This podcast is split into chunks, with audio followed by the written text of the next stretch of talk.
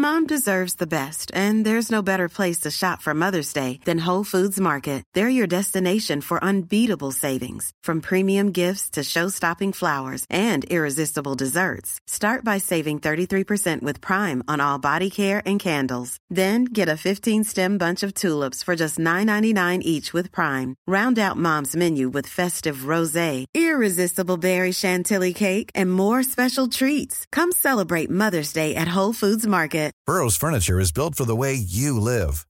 From ensuring easy assembly and disassembly to honoring highly requested new colors for their award-winning seating, they always have their customers in mind. Their modular seating is made out of durable materials to last and grow with you. And with Burrow, you always get fast, free shipping. Get up to 60% off during Burrow's Memorial Day sale at burrow.com slash ACAST. That's burrow.com slash ACAST. burrow.com slash ACAST. Since 2013, Bombas has donated over 100 million socks, underwear, and t-shirts to those facing homelessness. If we counted those on air, this ad would last over 1,157 days. But if we counted the time it takes to make a donation possible, it would take just a few clicks. Because every time you make a purchase, Bombas donates an item to someone who needs it. Go to bombas.com slash ACAST and use code ACAST for 20% off your first purchase. That's bombas.com slash ACAST, code ACAST.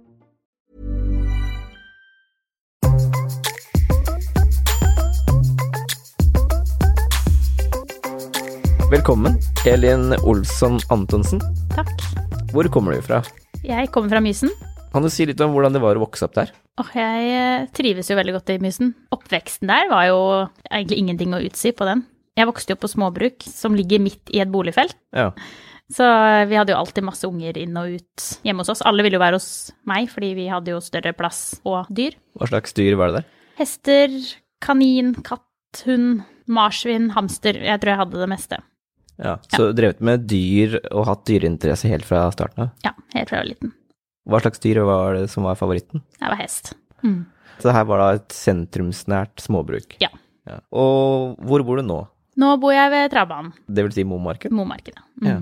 Og beskriv eh, gården du og mannen din Gjøran bor på. Den ligger bak Skjell stasjon. Den er uh, middels stor. Den er på rundt 200 mål, uh, og der har vi masse, masse hest. Det er uh, tre staller, bolighus, luftegårder, utleieenheter. Mye boligmasse, da. Det er full trøkk hele uka, det? Der er det fullt trøkk. Hvor mange hester har dere? Akkurat nå så er vi nede i 18, men vi har plass til 30. Og ektemannen din, Gjøran, han er da travtrener og kusk. Mm. Hva går det ut på, de to jobbene der? Eh, når du er travtrener, så har du stall med travhester som du trener i utgangspunktet for andre. Hvis du har en travhest, så kan du sette den i trening til Gjøran, og så trener han den for deg mot løp. Mm. Da gjør han alt. Han fòrer, steller, trener, skor, ordner med vettet. Han fikser Du gir på en måte han alt ansvar da, for din hest, og så håper du at den skal komme til start og tjene penger. Kan du beskrive hvordan en, en hverdag på gården er for deg eh, nå?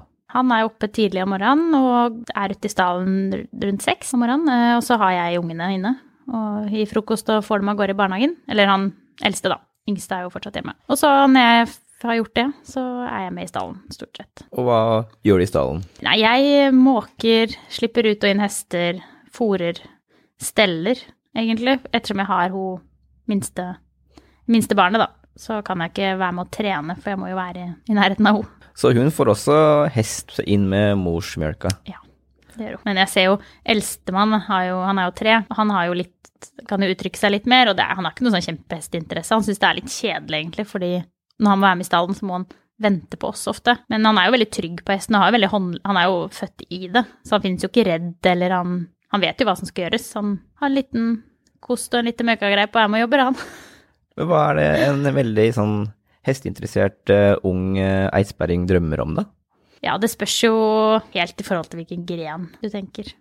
Men uh, Ja, så det er flere grener. Ja. Ja, fortell. Du har jo trav, som vi driver med, og der er det jo løp på travbane med Da kan jo stort sett Eller vanligst med sulky, vogn bak. Mm.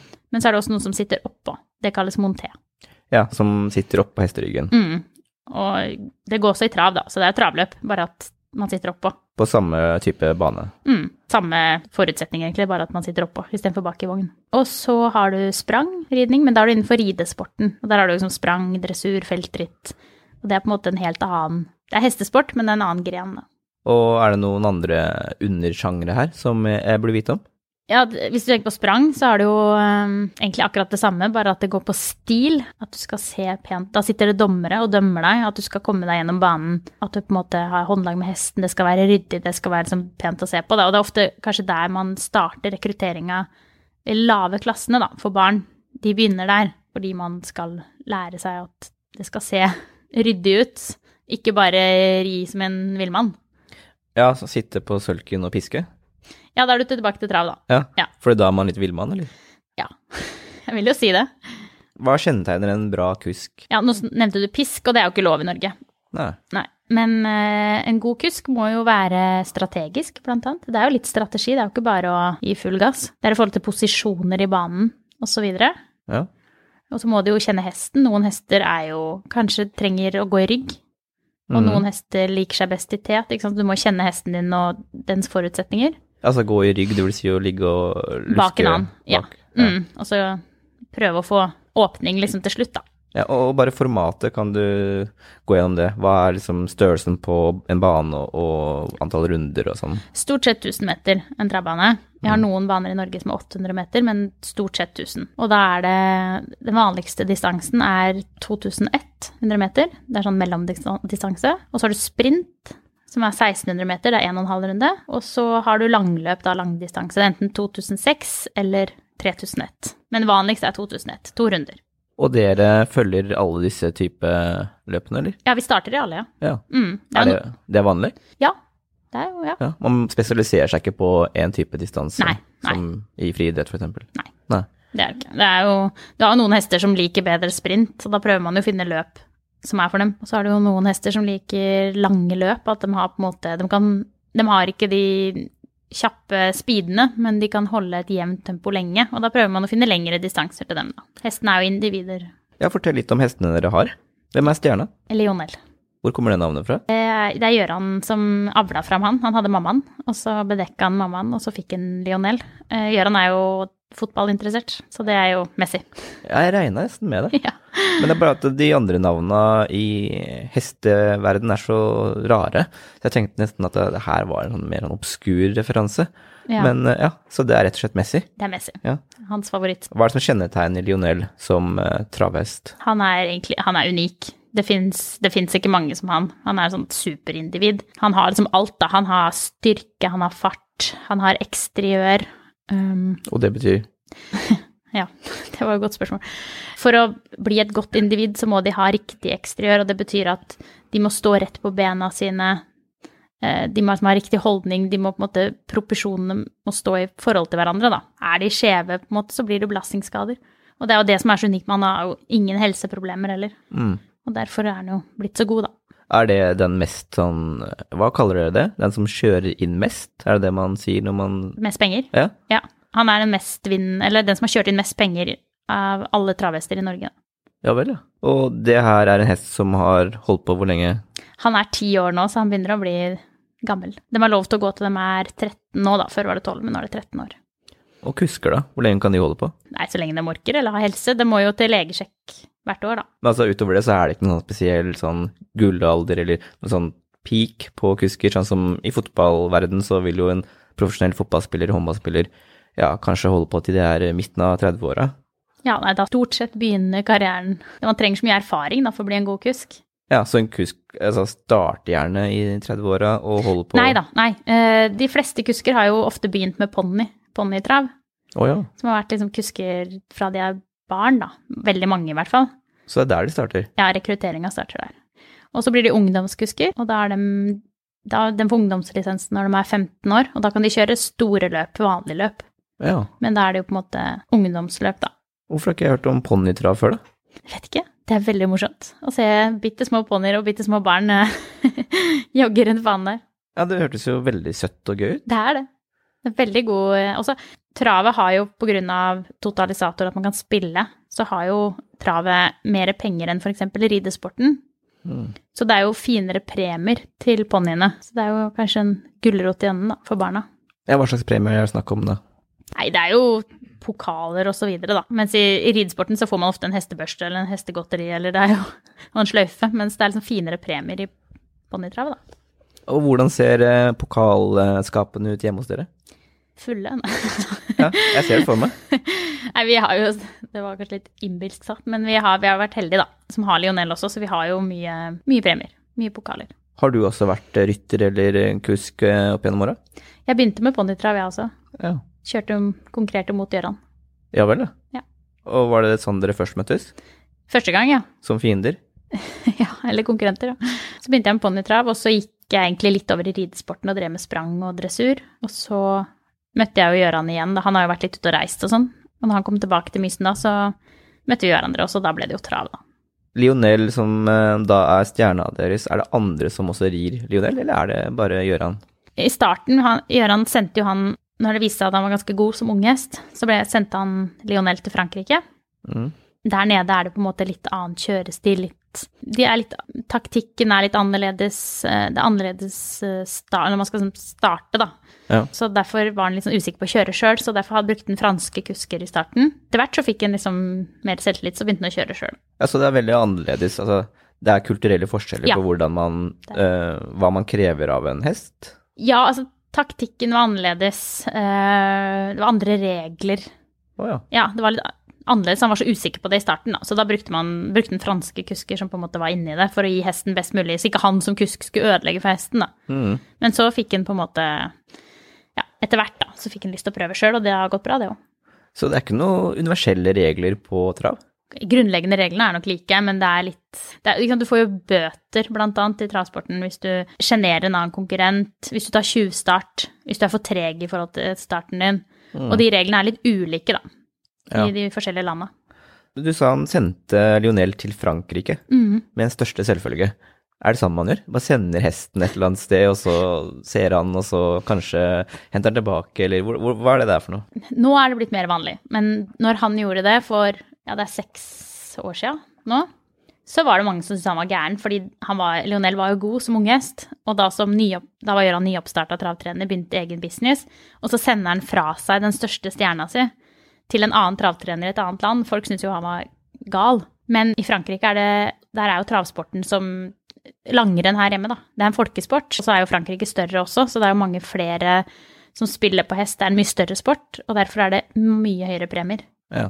Du kan vinne mye mer, da. Så derfor gjorde Gøran det. Fordi han mente at hesten hans Men det er også bedre hester der, da, så du må ha en god hest for å hevde deg der nede. ja. Så um, derfor gjorde han det for å tjene penger, rett og slett. Kan du ikke beskrive hvordan er det å gå på et løp i Frankrike sammenligna med Norge? Det er natt og dag, dessverre. Travsporten i Frankrike er jo som sagt, det er en folkesport. Det er tradisjon, tror jeg, egentlig i alle aldersgrupper å gå på travbanen. F.eks. på en søndag ta med familien på travbanen og spille på hest. da. Mm. Og um, derfor er det, det er mye, mye freshere lokaler. Det er, franskmenn er jo opptatt av mat og vin, ikke sant? så det er jo kjempegod mat. eh, masse vin. Hvite duker. Ja, det er helt annen standard. Det, ja, jeg skulle ønske at det var sånn i Norge, for da hadde kanskje flere vært på travbanen. Hvordan er stemninga, da? Eh, nå har jeg vært der stort sett når det har vært storløp, da, fordi Lionel har jo starta i de største løpa. Da er det jo det er høyt under taket. De er ivrige. Og Storløp, er det liksom Champions League for hester, Ja. liksom? Ja. Helt riktig. ja. Og hvor er det det går, bortsett fra i Frankrike? Hvilke andre land eller byer er det som er sentrale innen transporten? travsporten? Sverige Ja. er så stort. Og USA har vært, men nå er er det, det er litt sånn andre regler i USA. Men eh, det er fordi kasinoer ja, nå, nå drar jeg meg inn på et tema jeg ikke kan så mye om, men eh, jeg vet at kasinoer og travsporten har gått litt sånn hånd i hånd. Og så har det blitt noen regler i forhold til det, så kasinoene skviser travet mer og mer ut da i USA. Men ellers har det vært USA, Sverige, Italia, Frankrike. Men Frankrike er desidert det største. Hvilken eh, rolle er det Momarken spiller i travsporten? Det er en av landets baner. Ja, sånn som Bjerke. Det er hovedbanen vår Ja, i Norge. Mm. Jeg bodde en liten periode i nærheten av Bjerke. Jeg gikk jo forbi der og var innom biblioteket som ligger via vi der, men jeg var aldri inne på banen. Nei. Eh, burde jeg vært innom en tur? Ja, det syns jeg. Hva er det jeg ville fått med meg da? Det er jo sport. God sport. Egentlig så syns jeg det er veldig rart at ikke flere er interessert i trav og travsport. For det er jo det å være spiller, for eksempel, da. å spille på hest, Mm. det er jo Du får jo masse action på veldig kort tid. Et travløp varer jo i to og et halvt minutt cirka. Ja. Og da har du spilt der, så får du på en måte resultatet med en gang. Og så er det jo enten 12 eller 15 hester med i et felt. ja. Og en av dem vinner jo. Så har du spilt på riktig hest da, så vinner du jo penger. Så sannsynligheten for å vinne er jo på trav er jo mye, mye større enn å f.eks. spille på lotto eller kjøpe et skrapelodd, da. ja. Men når du sier spille, snakker vi V75, eller er det Ja, det er sånn egen spillkategori, men du kan, ja, du kan spille Det er masse forskjellig. Det er Ja, et et univers. Ja. Og det er vel kanskje der problemet ligger, da. At folk syns det er vanskelig, og det er et språk og en sjargong som man nesten må kunne for å forstå. Ja, få høre. Hva slags eh, begreper og ord er det som eh, brukes? Ja, du har V75, da. Ehm, du spurte jo kusk i stad. Hva, det- Ja. hva en kusk gjorde, ikke sant? Kusk. Eh, du har masse posisjoner ute i banen, sånn, og nå havna den hesten i dødens. Det er jo det er ikke alle som vet hva dødens er. Nei, hva er det? Det er på utsiden av lederen. Hvis du tenker deg et felt, da, så ligger lederen først, og så er den hesten på utsiden. Det er en veldig tung vei å gå, for da ligger du på en måte et spor lenger ut, da. Ja. Og må trykke på lederen, liksom, som har korteste vei. Ja. Så det er som verste posis- posisjon, ofte. Dødens. Ja, så har du banker, hvis noen har spilt en banker. ja, og det er Nei, det er hvis du har spilt uh, på et løp, og så har du bare spilt på én hest, da er det banker. Eller så kan du spille på mange hester. Men da er det jo dyrere, ikke sant, jo flere du spiller på, da. Og når man drar på, la oss si Bjerke, da, mm. og skal se på et løp, da vil jeg, altså det høres ut som en veldig kort, uh, kort affære. Er det mange løp man ser etter hverandre, da, eller? Hvis det, Ja. det er over på to minutter? Ja, det er eh, åtte til ti, elleve løp. Ja, er okay. løpkjøring. Og så er det jo litt tid imellom, sånn at folk skal rekke å Eller trenerne, da, og Mm. kuskene skal rekke å varme hestene sine. Eh, og da har jo spilleren liksom mulighet til å se på hestene, og den så fin ut ikke sant, i varminga. Og så rett før sjølve løpet begynner, så går de ut i banen og jogger hestene liksom forbi, sånn at spillerne og så han også skal få se hestene, da. Og selvfølgelig veterinæren og, og holde hestene i gang, og det er jo, ja. Men også spillerne har mulighet til å se hestene rett før løpet. Eh, og da tar de også noe som heter en prøvestart for at veterinærene skal se at hesten fungerer. For det står jo veterinærer for hele tida å følge med at hestene er i toppform, da. Hvor kommer de fra? Er det egne veterinærer, eller er det noen forbundets veterinærer? Det er egne Det er veterinærer som blir leid inn av transporten. Ja. Mm. Eh, og hva kan skje hvis eh, veterinæren oppdager noe? Hva skjer da? Den kan stryke hesten fra løpet hvis de syns at hesten ser ut som han har vondt i et bein eller ikke fungerer optimalt, ser tynn ut. Det er for å opprettholde hestevelferden, da. Hva er det farligste dere har vært eh, med på? I fjor, Gøran, fjor sommer så hadde Gøran en ulykke på banen. Hesten foran han stupte i banen, Altså snubla, eller? snubla. Og, ja, og så kom han full fart bak, og så kjørte han, så det var Det havna på sjukehus, eller ble henta med lufthelikopter og luftambulansen, heter det. Dette her var på Momarken? Ja. Hvordan gikk det med han, da? Det gikk eh, veldig bra. Han, eh, han tok noe ribbein som gikk inn i ene lunge. Han slet veldig med pusten, var det. Men han besvimte jo, men han fikk seg ganske kraftig slag mot hodet, og så slo han pusten ordentlig ut av seg. Så han var borte ganske lenge, og det var derfor luftambulansen kom. Var det her med Lionel? Nei, heldigvis ikke. Det var med hesten til mammaen hans, som han starta med i går. Ja. Ja vel, ja. Mm. Så hesten, det gikk kjempefint med hesten, det fikk ikke noe sår eller varig men. Hva slags utstyr har um, kusker på seg? Sikkerhetsvest, sånn som ryggplate og ryggskinne, sånn, litt sånn som motorsykkelutstyr er. Eh, hjelm, Mm. og så må de ha en godkjent drakt. Hva slags type materiale er det? Eh, nei, det er sommerdrakta er jo silke og oh, ja vel, ja. fora på vinteren og gummi når det regner. Altså det er ikke noe særlig sånn beskyttelse på den dressen? Nei, ingenting. Det er bare Det er hjelmen og ryggskinna som er beskyttelse. Ja, ok. Men den drakta skal Så når du blir kusk, så må du registrere en drakt på deg. Mm. Eh, Og det er for at spillerne skal kunne kjenne igjen kuskene Ja. i løpet. Fordi noen spillere har jo sine favorittkusker, blant annet. Da.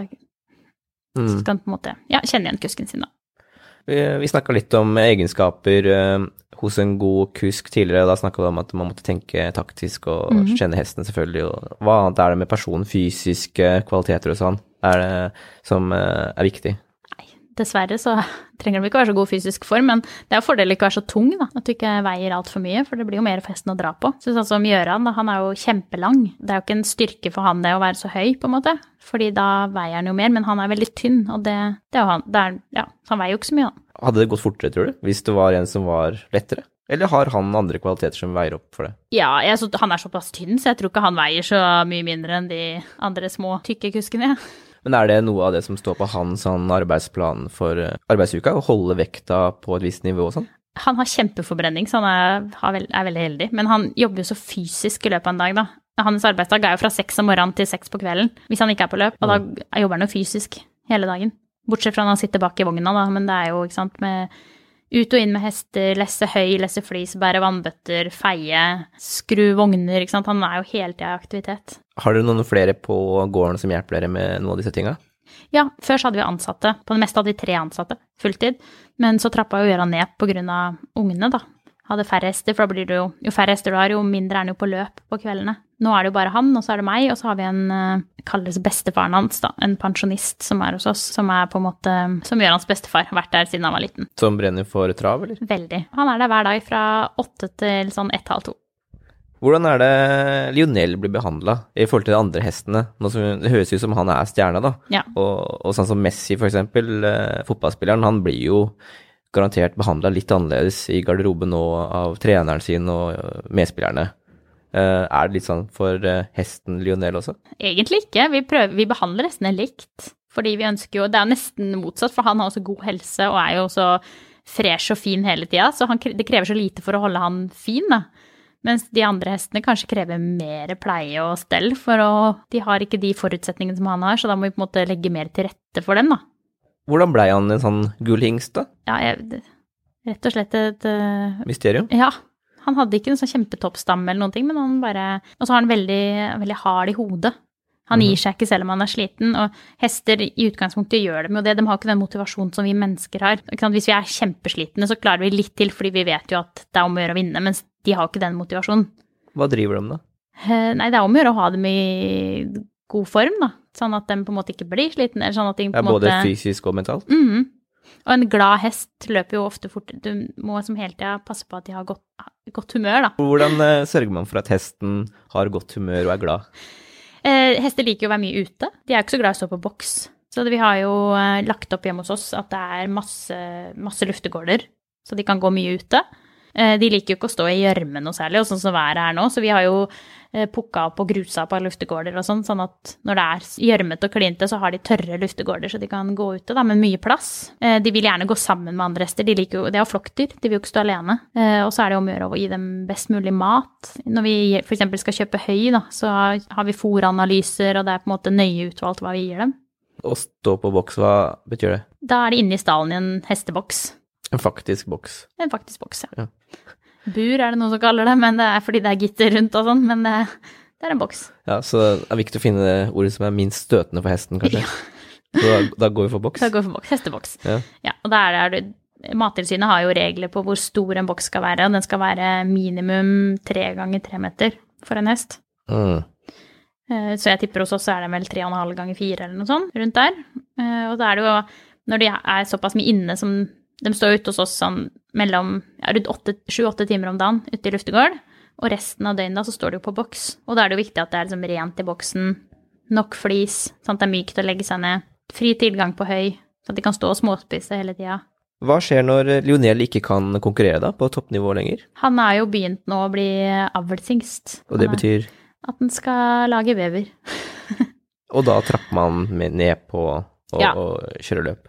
Ja, fordi eh, det er noen som klarer å kombinere dem. Han blir veldig sliten av å være avlshingst, da. Ja, og hva er det viktigste å tenke på da, for dere som prøver å avle fram en ny Lionel? Gøran har leid seg tre sånne topphopper som har vært kjempebra stamme på, som eh, har prestert sjøl i banen, som har vært gode individer. Så han har leid det, og så har han bedekka med Lionel. Og de tre følga er blant annet de som er hjemme hos oss nå, da. For at han skal få en reell sjanse, da. Og stamme, hvordan er det man får innsikt i det, og hvordan er det man liksom forholder seg til det innen hesteoppdrett og trav? Åh, det er et stort, stort felt. Jeg kan altfor lite om det, men uh, Er det, er det litt sånn som slektsforskning, eller? Ja. Man går inn på myancestry.com, liksom? Ja, vi har travsport.no. Mm. Der kan man gå inn og søke på Hvis du går inn der, så kan du søke på Lionel, og da kan du gå og se på stamtavla hans. Og så finnes det også sånne programmer hvor du kan eh, sjekke, hvis du har en hoppe, da, hvilken hingst passer til min hoppe. Så det er en del sånn analyseverktøy Ja, tilgjengelig? mye. Og da sitter man sjøl på kveldinga og leker seg med det, eller? Ja. ja. Gøran syns det er spennende med stamtavler, og det er mye hest og trav, sånn selv om ikke han er i stallen eller ute i banen. Ja, fordi det er jo veldig mange ting man må holde styr på, virker det som. Mm. Ikke bare det å sitte på sølken og, og jage rundt eh, banen. Nei, det Uff a meg, du må ikke si det. Det høres så slemt ut mot hestene.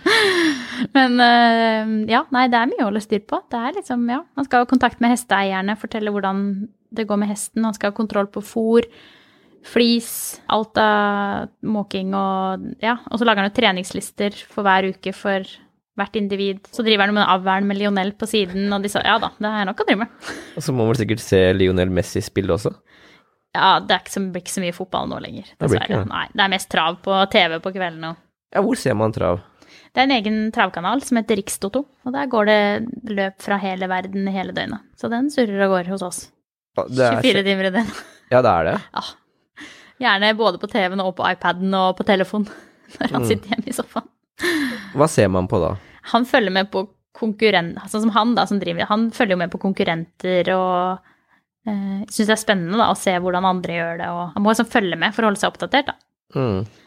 Mens for eksempel hvis du hadde Så hadde det kanskje vært for spillet, da. Du har sittet og spilt og ville se på resultatet. Men du trenger ikke å ha Rikstoto-kanalen for å spille. Uh, spiller du? Ja, jeg spiller litt.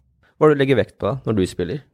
Jeg ser ofte på hestens tidligere prestasjoner. Uh, kuskene. Det er jo noen kusker som er bedre enn andre. Og så er ofte hvis jeg Jeg prøver å få med meg litt venninner og sånn for å være med og spille, da. Og da hvis jeg får venninner så til litt sånn nybegynnerflaks, så spiller de på litt sånn morsomme navn og sånn. Ja, hvor kommer alle de navnene fra? Jeg har lest om hester som het Sinsentrikken, Rullgardina, Ja. Kjempetorsken, Faste utgifter, og så deres da, Bjørn Borch og Lamoss. Ja. Hvor eh, kommer denne oppfinnsomheten fra? Det er jo regler i forhold til hva du kan kalle hesten din. Eh, er, du har jo to hesteraser som går travløp. Du har varmblods, varmblodstraver og kaldblodstraver, da. Og forskjellen er Varmblodsen eh, er en spedere modell. Raskere. Lionel er varmblods. Eh, Smalere, det går fortere. Ja. Mens kaldblodsen er jo i utgangspunktet fra gammelt av var trekkdyr som jobba i skogen. Men de er jo blitt avla fram, så det går jo fortere og fortere der også. Men de, de er liksom grå, grøvere. Mer man og hale. Eh, Det går litt saktere. Ja, Så de er på en måte midtstopperne, mens varmblodsen er de som er angripere, sånn som Lionel Messi. Messi. Men de kan ikke konkurrere mot hverandre, da, for de har ulike raser. Varmblodsen, den er jo internasjonal, varmblodstraveren. Det er jo den som er i Frankrike og overalt det starter. Eh, Og da må du ha da, Dem kan du egentlig kalle hva du vil. Det eneste er at eh, det kan ikke være en annen hest som heter det. Og dermed må man jo være litt kreativ. Ja. Det kan ikke være en annen registrert hest som heter det. Eh, Og hvis det har vært en hest som heter det, så må den ha vært død i ti år før du kan ta navnet. Hva er det morsomste navnet du har sett? Eh, lommeboka, kanskje? Ofte også kaldblods, da. Den var jo på varmblods, men kaldblods er med noen norske navn. Så vi har jo de kaldblodsene som er på stallen, det er jo Saganatt, Pollytulla, mm. Vesletora, ka Kanutten. Dere har jo to småbarn sjøl. Hvordan er det dere kom på navn til dem? Det er litt morsom historie med Cedric, i hvert fall. Fordi jeg ville at han skulle hete Isak, men det ville ikke gjøre han. Han ville at han skulle hete Konrad, og det ville ikke jeg. Så vi var veldig uenige om navn.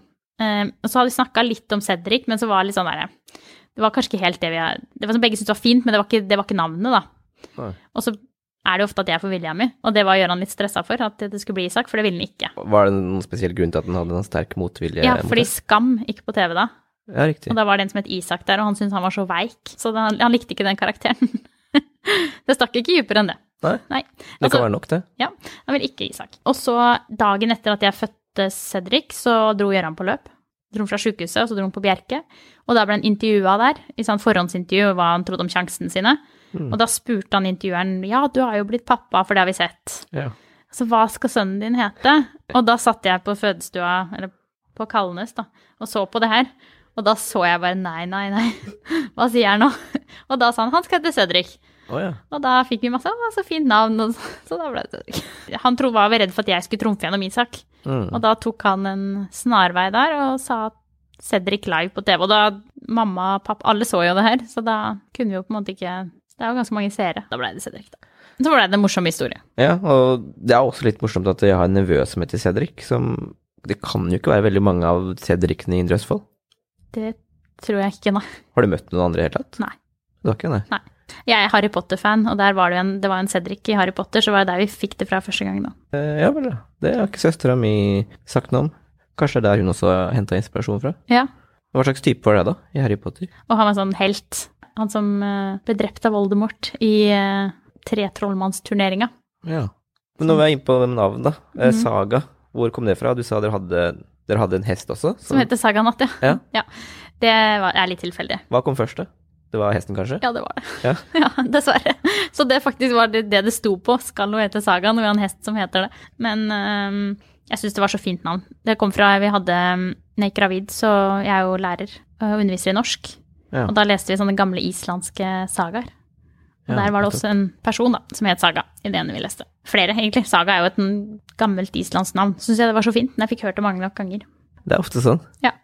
Hvis man ikke vokser opp på en gård, eller småbruk som du mm. gjorde, hva skal man gjøre hvis man har lyst til å bli en kusk, eller jobbe aktivt innafor eh, travsporten? Man bør jo kanskje, hvis man skal starte helt på scratch, da, så bør man jo kanskje begynne å gå i en stall hvor det er travhester, og lære på en måte fra bunn. Tenker Hvis du skal bli god, og spesielt en god kusk, så bør du kunne alt, liksom, med stell og skoing, fòring. Du må liksom kunne alt, da, tenker jeg, for Ja. å bli best. Så må man følge, følge opp hesten veldig på nært hold, da, mm. Hele tiden? Ja. Se hvordan trivselen er. Mm. Hvordan ser du at en hest har det godt og trives? Det her høres kanskje litt sånn alternativt ut, men du kan fort se det på øya deres. De er matte i øya, men de har sånn gnist, da. Og så er det jo pelsen da, som avslører en hest. De jo, de kan godt ha mye pels, men de skal være blanke. Hvis de har sånn matt, feit pels, så er det et tegn på at ikke det står så bra til. Både trivsel og også innvendig, da. For det siste et dyr prioriterer, er jo pelsen. Hvis den er liksom bra, så er det tegn på at hesten har det bra. Du er jo fra Mysen, som vi har snakka om, og hvor eh, hjemmeskjær er du? Veldig hjemmeskjær. Trives veldig godt i Mysen. Eh, når jeg studerte i Halden, så bodde jeg også i Halden, og så bodde jeg litt i Fredrikstad. Men jeg hadde jo hester hjemme hos pappa. Da drev jeg jo med ridehest, hadde, så jeg var jo mye hjemme. Jeg var vel mer hjemme enn jeg var i leiligheten der jeg bodde. Var det ridningen og hestene som holdt deg i Mysen? Det var nok det. Mye av det. Og at jeg er hjemmekjær. Jeg er veldig glad i å være hjemme. Hvis du skulle tenkt et annet sted, da, annet bosted, er det andre ting du har tenkt i et svakt øyeblikk at der kunne vært kjekt å, å bo? Ja, jeg var, når jeg studerte, så hadde jeg lyst til å søke overflytting til Oslo. Og så selge hesten og bare være litt student, da. Um, og det var jo litt fordi jeg hadde mange venninner som studerte i Oslo. Eller alle vennene mine var i Oslo. Det, jeg hadde vel nesten en leilighet i boks, men så møtte jeg Gøran. Og da Og han er fra Slitu. Han er fra Slitu. Og han, har, han bodde jo utenlands i flere år, så kom han tilbake, da. Og da teama dere opp Ja. og skulle satse på trav og hester Ja, det var liksom tilfeldig. Eh, Jeg kjøpte jo veldig tidlig et hus i Mysen. Det kjøpte jeg rett etter videregående. Det var fordi det kom veldig billig for salg. Så fikk jeg kjøpt det, og så bare leide jeg det ut. Ja, pappa det, og mamma mente at det var en god investering. Og da hadde jeg jo det huset, så da flytta vi jo dit, da. Er det noe du savner i, i Mysen? Ikke nå, sånn som livet mitt er nå, med, Med to, to barn. små barn og ja, nei, Stallen full?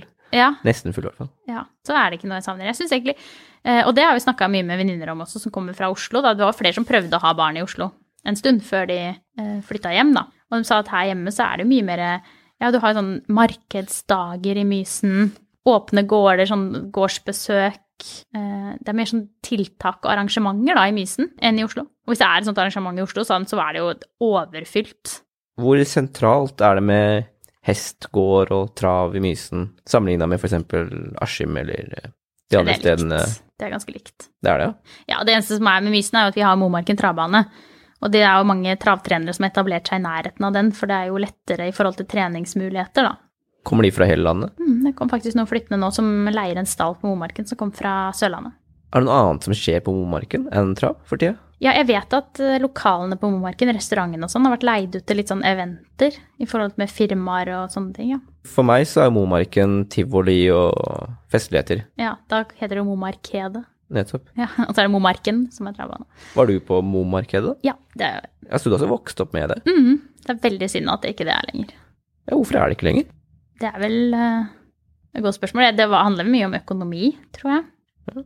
Ja, Ungdom vil ikke gå på tivoli lenger og kjøpe sukkerspinn og jeg tror ikke det. gå i sånne boder. Nei. Nei. Kjøpe skrot? Ja, det kan kalle det. ja. Nei, jeg tror ikke Nei. Det var jo mye mer konserter, og det er også det jeg husker best fra Momarkedet. Alle konsertene i Jahn Teigen og Ja, på den storscena. Ja. Men eh, det var jo liksom på slutten, før det ikke ble noe mer, så var det jo ikke folk på de konsertene. Og så ja. før så var det også TV-sending fra det, jeg vet ikke om du husker det? Det ble Mm. sendt på NRK. Hvor stort var det da for dere i Mysen å ha en sånn eh, happening årlig? Ja, kjempestort. Vi gleda oss. Sparte. Husker jeg jobba hele sommeren for å spare penger til å bruke på Momarkedet. Hva brukte du på? Sukkerspinn og kjøre karuseller og bruke penger i bodene. Så det var noe dere så fram til, altså, hvert eneste år? Ja. Ja. Og hvor mange ganger var det innom da det var Hver dag var jeg der. Og det var da en uke, eller? Var det mer? Jeg, jeg tror det var sånn to helger. At det begynte fredagen, og så ga det seg liksom søndagen uka etter. Ja, ok. Og da avslutta vi jo med fyrverkeri. Du Mm. husker det? Nei, jeg tror ikke jeg kan huske noe fyrverkeri. Kanskje ikke jeg var på selve avslutninga. Nei, det var jo sånn avslutningskonsert med som endte i en sånn kjempefyrverkeri. Nå husker jeg var så liten, og det var så seint, men da fikk jeg lov til å være oppe, og så kjørte vi opp. Husker jeg alltid med pappa. Kjørte vi opp, og så sto vi på Shell-stasjonen, og så hadde jeg på pysj, og så hadde dyne i bilen. Så husker jeg vi satt i bilen og så på fyrverkeri. For jeg var liten. Var Momarkedet årets høydepunkt? Ja, det vil jeg si. I hvor mange år eh, var det det, da? Begynte vel å dø ut slutten jeg gikk på ungdomsskolen, starten av videregående, så da er vi vel i 2003-2004. Og nå, da? Er det noe som helst der? Av den type tivolivirksomhet? Det har ikke vært det de siste årene. Har det vært et savn for eh, eidsberginger? For mange, tror jeg, ikke fordi kanskje ungdommen som vokser opp nå, for de er jo ikke kjent med det, men sånn for oss. Jeg hadde jo syntes det vært veldig morsomt å ha med ungene ditt. Så, ja, det er vel noe sånn Det er jo et tivoli som pleier å være der en gang om året, men det er jo ikke med de bodene og konsertene, det er ikke det. Det er jo bare et lite tivoli som på en måte bruker plassen, da. Nå får du kanskje alle nipsen fra eBay, da. Trenger ikke gå og se på dem med øya og plukke på dem inne Nei, i det er bodene. nok noe i det du sier der. Men det var jo også noe dyr og sånn der, var det ikke det? Jo, i Havnehagen, ja, stemmer det. Mm. Så da fikk man jo, altså for meg da, som, som er fra Askim, og ikke noe småbruk eller gård, så fikk man et innblikk i det også der. Ja, for det var sånn kaniner og høner og Ja, stemmer det. Det her var jo dagligdags for deg. Ja, jeg har vokst opp med det, så det Ja. syns jeg ikke var noe morsomt å være inne der. Så er morsomst å kjøre karus spesielt kjøre karuseller og Ja, og spise snop. snop. Ja. Mm. Du jobber jo i Askim, som vi har vært innom, eh, på Askim VGS som mm. norsklærer. Mhm. Um, ved siden av alt det andre her, som handler om hest, mm. er det noe som er helst eh, kobling mellom de to tinga du har valgt å bruke tida di på? Nei, det vil jeg ikke si. Hva med hestefag, da? Det, det er jo en egen sånn VGS, eh, ikke her, da. Nei. Men er det noe du kunne tenkt at uh, man hadde, trengt, hadde trengt her i Drøsvoll? Ja. Det er jo mange hesteinteresserte. Det er, kom, det er jo mange som kommer fra gård som har hest. Det er jo veldig mange som kanskje driver mer med hest på hobbybasis her, Sånn som kona mi, for eksempel. som kona di. Hun driver med noe ridning av noe slag, som jeg har litt dårlig samvittighet for at jeg ikke har fulgt opp nok og vist nok interesse for, kanskje. Handler nok litt eh, om at jeg er veldig allergisk, men jeg har aldri helt skjønt hva det går ut på. Eh, for hennes del, trav har jeg nå fått bedre innblikk i, som går ut på å løpe fort med hesten. Ja. Eh, og vinne store pokaler og, Og pleie, pleie individene da, som om de var toppidrettsutøvere. Mm. Mens eh, den derre vanlige ridningen, som du også holdt på med som ung, hva, hva går det ut på? Er det, er det som å gå tur med hund, på en måte? Sånn som kona di, da. Det er vel, ja, ri på tur og se på det som det å kunne være nær dyra, eh, være ute, ri tur i naturen. Det er jo sånn terapi. Hva slags forhold kan man få til en hest? Man kan få et ganske De er som hunder. De knytter seg til personer, og spesielt omsorgspersoner. Og en hest eh, De liker jo det å bli stelt og ordna med, på en måte. De er jo De hestene vi har i fangenskap, som vi har, da, de er jo helt uh, hengitt oss. At vi tar godt vare på dem, og de jo også, viser jo også at de setter pris på det. Ja, snakker man med hestene? Ja, jeg gjør det. Går hjemme i permisjon og ikke noen andre å snakke med enn babyen, så snakker jeg litt med hestene også. Hva sier man til hestene? roser dem da hvis de er flinke. Når vi står, vi, de er jo helt hengitt oss med Vi tar dem ut på gulvet og binder de fast på en måte i hodet og løfter opp bein og slår på sko, og de er jo de er veldig snille, selv om de er store. Det er snille dyr, i utgangspunktet veldig snille dyr. Så man må jo rose dem. Fortelle hvor flinke de er, og søte de er, og det er bare enveis kommunikasjon? Ja. Får ikke noe tilbake? Nei, hvis de gir ikke noe tilbake, og hvis de gjør det, så tror jeg du skal søke hjelp.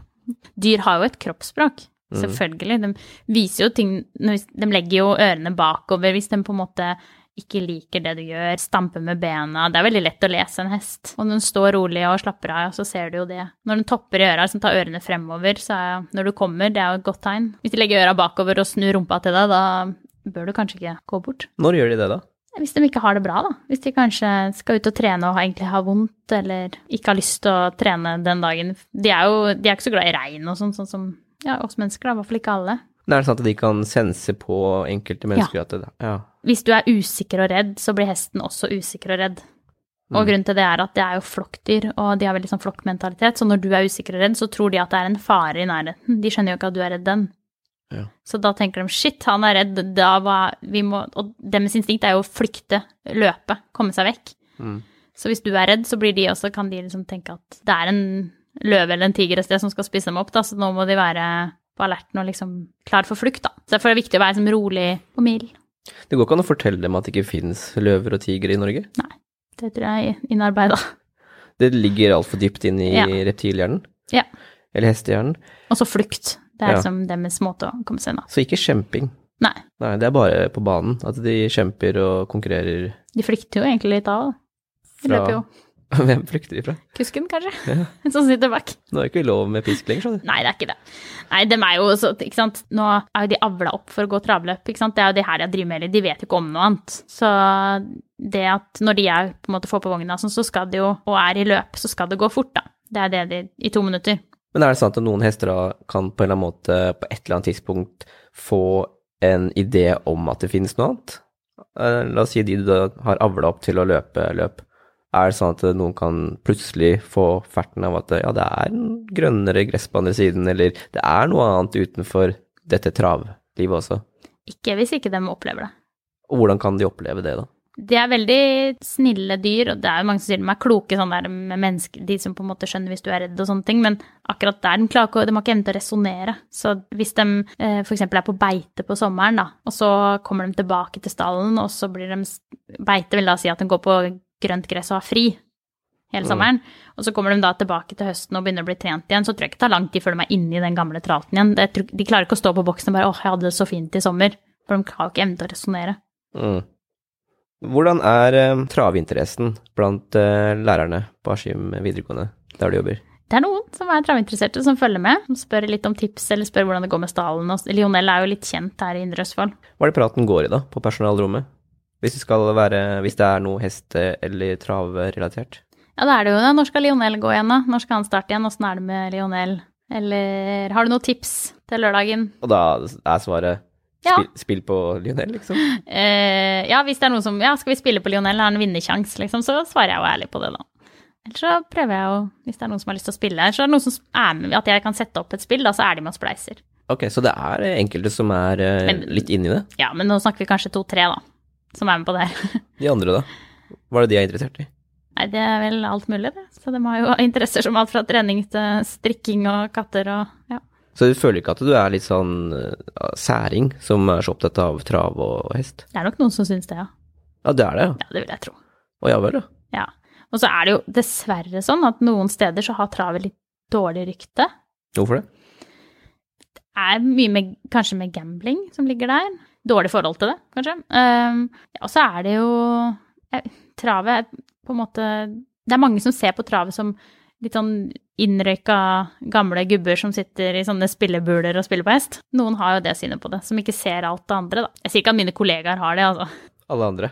Nei, ikke alle andre, jeg håper at det ikke er så mange, men det er noen, dessverre. Ja. Hvorfor uh, hører vi ikke mer om uh, sporten? Nei, det er det ikke vi vet, da. Som det er jo det på en måte Rikstoto og Norsk Travsport prøver nå på en måte for flere skal få øya opp for travet. Ja. Fordi det er en morsom sport, og det er jo så mange sider av den. Og det er jo derfor jeg har starta den Instagram-kontoen som jeg har gjort, som heter Travfrue. For å vise litt hva som er bak ja, travløpa, da. Vise litt sånn behind the scenes. Ja, for, i, for ved siden av alt det andre du holder på med, så er du nå influenser, vil du kalle det? Nei, det vil jeg ikke kalle Det vil meg. du ikke. Nei. Hva vil du kalle deg da? Uh, ikke influenser, i hvert fall. Jeg har en Instagram-konto og en Facebook-side. Hva er problemet med å være influenser da? Ja, si det. Hva er det som er gærent med det? Skal jeg si det uten å fornærme noen?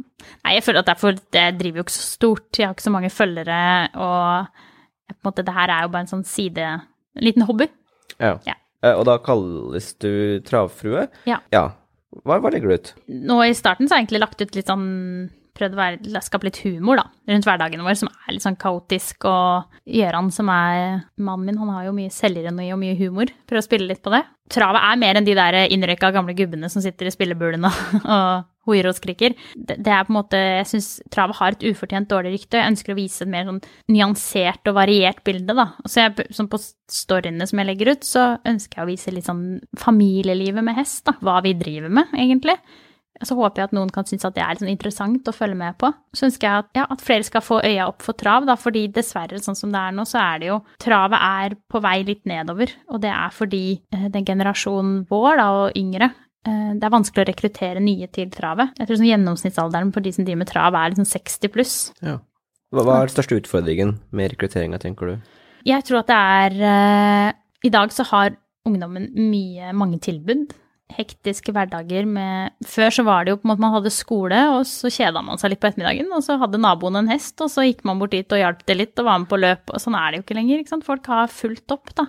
Uh, og så er det mm, det her med spill, da, for eksempel. At det er jo så mange konkurrenter. Du har jo med Maria Bingo og alle de Lotto. Du, du har jo Skraplo. Du har masse ulike spillkommisjonærer, da. Mm. Mange konkurrenter. Før så spilte folk på hest, for det var der man på en måte Man skulle ha litt sånn action i hverdagen, og ja, så syntes folk det var spennende å spille på hest. Ja. Mens nå så er det så mange konkurrenter. Så folk spiller kanskje på andre områder, da, og da, det er jo det vi lever av, at folk spiller. Mm. Mysen og Askim er jo veldig nærme hverandre, mm. og ektemannen din Gjøran er jo da fra dette lille feltet mellom Askim og Mysen, Slitu, mm. som for veldig mange er forbundet med Slitu-sletta, ja. der man kan kjøre fort, ja.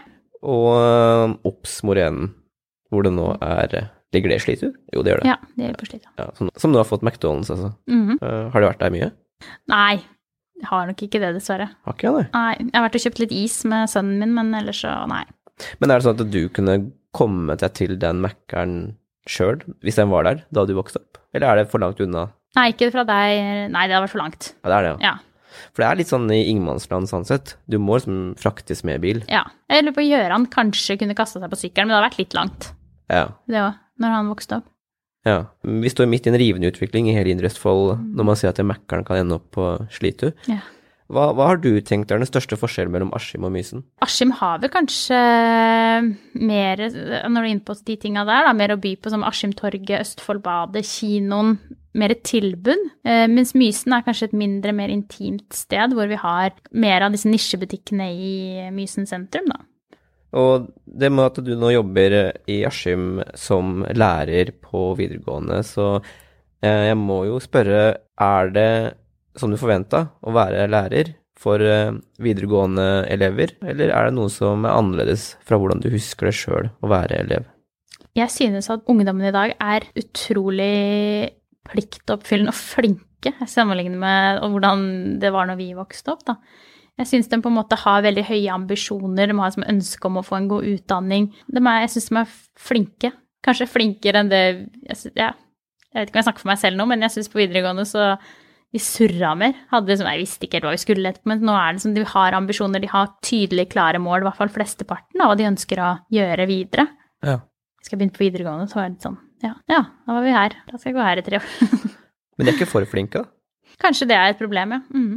Altså, de syns jeg på en måte det er mange som sliter seg ut med at de har De jobber, de skal være Ha en liten jobb ved siden av tjene penger, de skal være flinke på skolen, de skal gjerne være flinke i en idrett eller en sport. Kanskje noen er for flinke òg, ja. Er det noen du deler hesteinteresse med av elevene? Ja, det er jo noen som har drevet med hest også. Som tenker å ta det et steg nei, det, videre, eller? Nei, jeg har ikke møtt det. Det er mer de elevene jeg har møtt som har hest, er, de er kanskje foreldre igjen, da, som er travinteresserte, som syns det er litt stas med trav, eller så noen som har på en måte bor på gård og har en hobbyhest sånn, og rir på tur, sånn som kona di gjør. Men jeg har ikke møtt noen som ønsker å gå den veien, nei. Da har jeg bare ett spørsmål igjen, ja. Elin Olsson Antonsen. Ja. Hva tenker du er et godt sted å bo? Jeg syns jo, sånn som jeg vokste opp, var jo Vi bodde sentralt med masse venner rundt meg, og mamma og pappa har alltid vært veldig sånn åpne. Vi har hatt åpne dører. Alle kan komme inn og Mamma visste jo ikke om vi var på en måte fem til middag eller tolv, om jeg hadde med meg halve klassen hjem, liksom. Det var helt greit, da. Altid, liksom, alle var alltid velkomne hos oss. Og så var det litt sånn litt fritt. Vi fikk jo lov til å herje og holde på som vi ville, egentlig. Sånn, ikke, mammaen hadde jo ikke sånn kontroll sånn som man har i dag, da. Sånn med tanke på at foreldrene gjerne avtaler for barna sine hvis de skal besøke hverandre. Vi fløy jo ut og inn hos hverandre, på en måte. Og så kom vi inn til middag, og så fløy vi ut igjen, og så var vi inne til vi skulle legge oss. Jeg er veldig glad at jeg vokste opp sånn, og ikke kanskje sånn som de vokser opp i dag, da. Eh, og så er jeg veldig glad for at vi, jeg vokste opp på et lite sted hvor alle kjente alle. Det har vært trygt for meg, i hvert fall. Elin Olsson Antonsen, eh, tusen takk for praten. Takk for at jeg fikk komme.